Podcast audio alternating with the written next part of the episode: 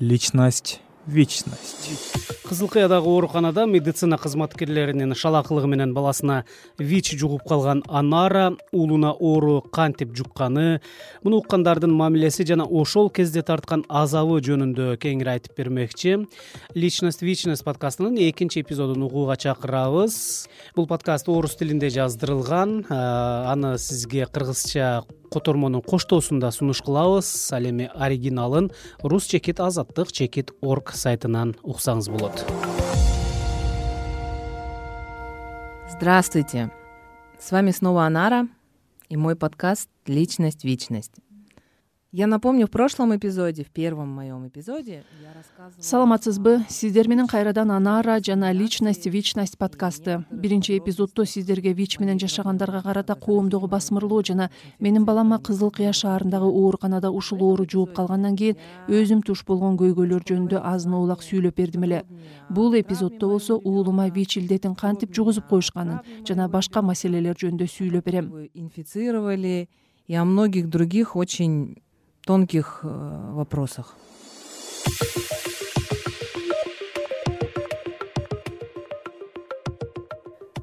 В моей жизни сложилось так что в двадцать пять лет мне поставили мен жыйырма беш жашка чыкканда дарыгерлер тукумсуз деп диагноз коюшкан.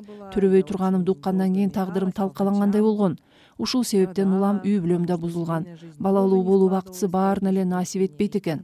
Көрүнбөгөн догдурум калган жок. Үнүм кудайга жеттиби айтоор беш жылдан кийин буюмда болду. Уулум төрөлдү. И в итоге через пять лет всевышний подарил мне сына. Мой сын это это мое огромное счастье перзентим менин чексиз бакытым жашоомдун маңызына айланды уулум төрөлгөндө ден соолугу чың сулуу дайыма жылмайып турчу.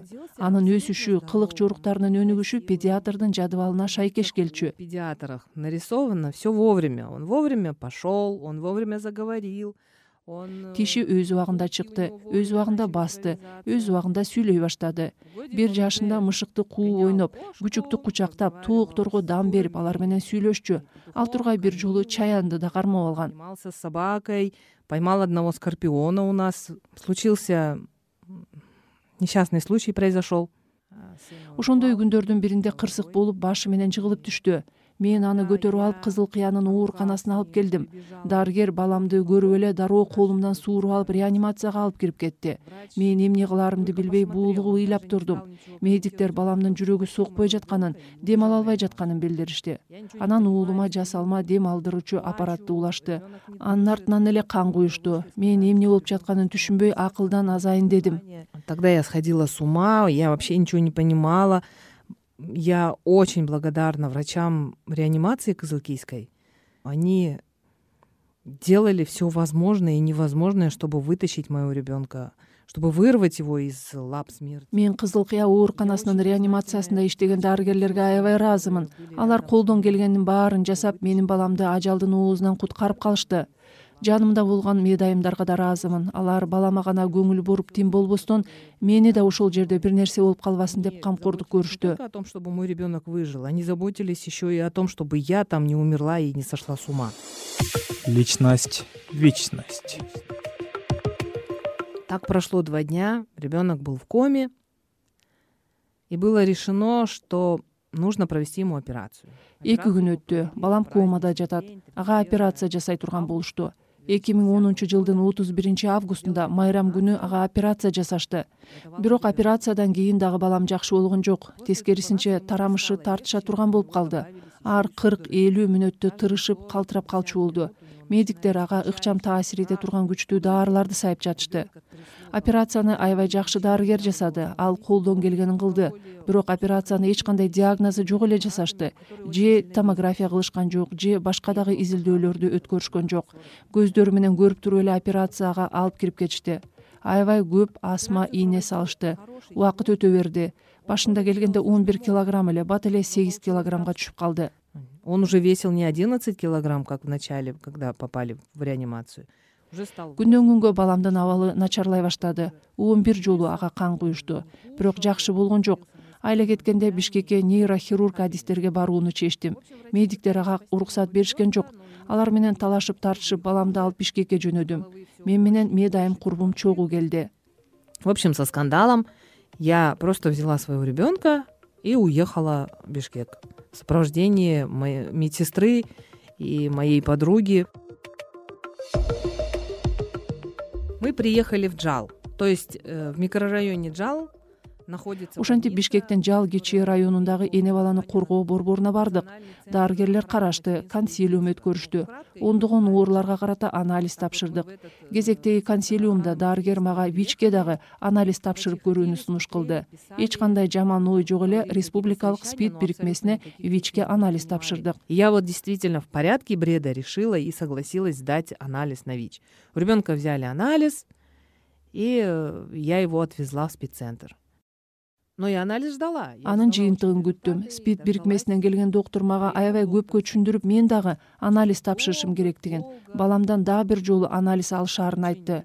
себебин сурасам баламдын канынан алынган анализде вичке күмөн бар экенин айтышты балага вич энесинен өткөн болушу мүмкүн деген күмөн саноо болгондуктан мен дагы канымды текшертишим керек экен. Баламдан анализ алышты. мен спид бирикмесине барып анализ тапшырдым.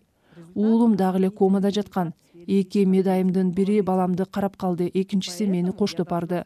Анализ тапшырдым. Консультация алуу вичке анализ тапшыруу мага жагымсыз болду. Ансыз да дээрлик эки айдан бери сулук жаткан баламды ойлой берип болоорум болгон. Кийинчерээк ооруканага спид бирикмесинен доктур келип менин каным таза чыкканын уулумдун экинчи жолку анализинде дагы вичке күмөн саноо бар экенин айтты. У меня анализ отрицательный то есть у меня нет вируса в крови а у ребенка снова вышел сомнительный и и этот сомнительный все ж таки трактуется как положительный анализ. Бул фактыдан кийин нейрохирургиялык дарылоо ыкмалары жасалды. Ошондон кийин балам көзүн ачты. Эч нерсе сүйлөгөн жок бирок дээрлик эки айда биринчи жолу көзүн ачты. Балам өзүнө келгенден кийин врач үйгө кетүүгө уруксат берди. Кызыл кыяга келдик. Абалым оор болчу. Стресс көз жаш. Ошол кезде курбум мага колдоо көрсөттү кийин кызыл кыядагы ооруканага барып кандайча менин балама вич жугуп калганын териштире баштадым. Бирок уулумдун бейтаптык баракчасы жоголуп кетиптир эч кимдин мени менен сүйлөшкүсү келбейт. Көрсө алар баарынан кабардар экен. Спид бирикмеси кызыл кыя шаардык сан эпид көзөмөл борборуна чалыптыр. Алар ооруканага маалымдашкан экен. Спидцентр сообщил э, городскому отделу санэпидстанции. И санэпидстанция в свою очередь уже сообщила в горбольницу и все уже знали. И сам вот этот процесс стигматизации дискриминации уже начался дискриминация басмырлоо башталды. Балама вич жугуп калганы жетпегендей адамдар менден өздөрүн алыс кармаганга аракет кыла башташты. Үч айдан кийин кайрадан бишкекке эне жана баланы коргоо борборуна бардык. Алар кайрадан анализ тапшырганда спид бирикмесине жөнөтүштү ошентип эки миң он биринчи жылдын апрелинде баламдын канында вич бар экенин тастыктаган сертификатты колубузга беришти. Снова же направили на повторный анализ. И нам в апреле одиннадцатого года на руки вручили сертификат который подтверждает наличие вич инфекции в крови моего сына. С этого момента и начинается моя история борьбы за справедливость против дискриминации. Ошол учурдан баштап мен өз укугум үчүн күрөшүүнү дискриминацияга каршы турууну медицинадагы шалаакылыкты далилдөө үчүн аракетти баштадым чындык үчүн күрөш мен үчүн коркунучтуу сыноо болду. Душманыма да муну каалабайм. Вичтин образы коркунучтуу сүрөттөлгөнүнө карабай ошол кездеги досторум менден алыстаган жок. Все мои друзья остались со мной. Я хочу сказать каждой маме каждому человеку который столкнулся с этой проблемой. Мен баласына вич жууп калган энелерге кайрылам. Деги эле ушул көйгөйгө туш болгондорго айтарым. Күрөшкүлө ишенгиле жана багынбагыла верьте и не сдавайтесь в следующем эпизоде я расскажу вам кийинки эпизоддордо узак жылдарга созулган соттук иштер тууралуу айтып берем. дарыгерлердин күнөөсүн далилдегенимди саламаттык сактоо министрлигин доого жыкканымды баяндайм. Адам күрөшүүсү керектиги өзү жөнүндө айтышы зарылдыгы жөнүндө сүйлөйм благодарю вас за то что вы меня слушаете. Мени уккандарга рахмат.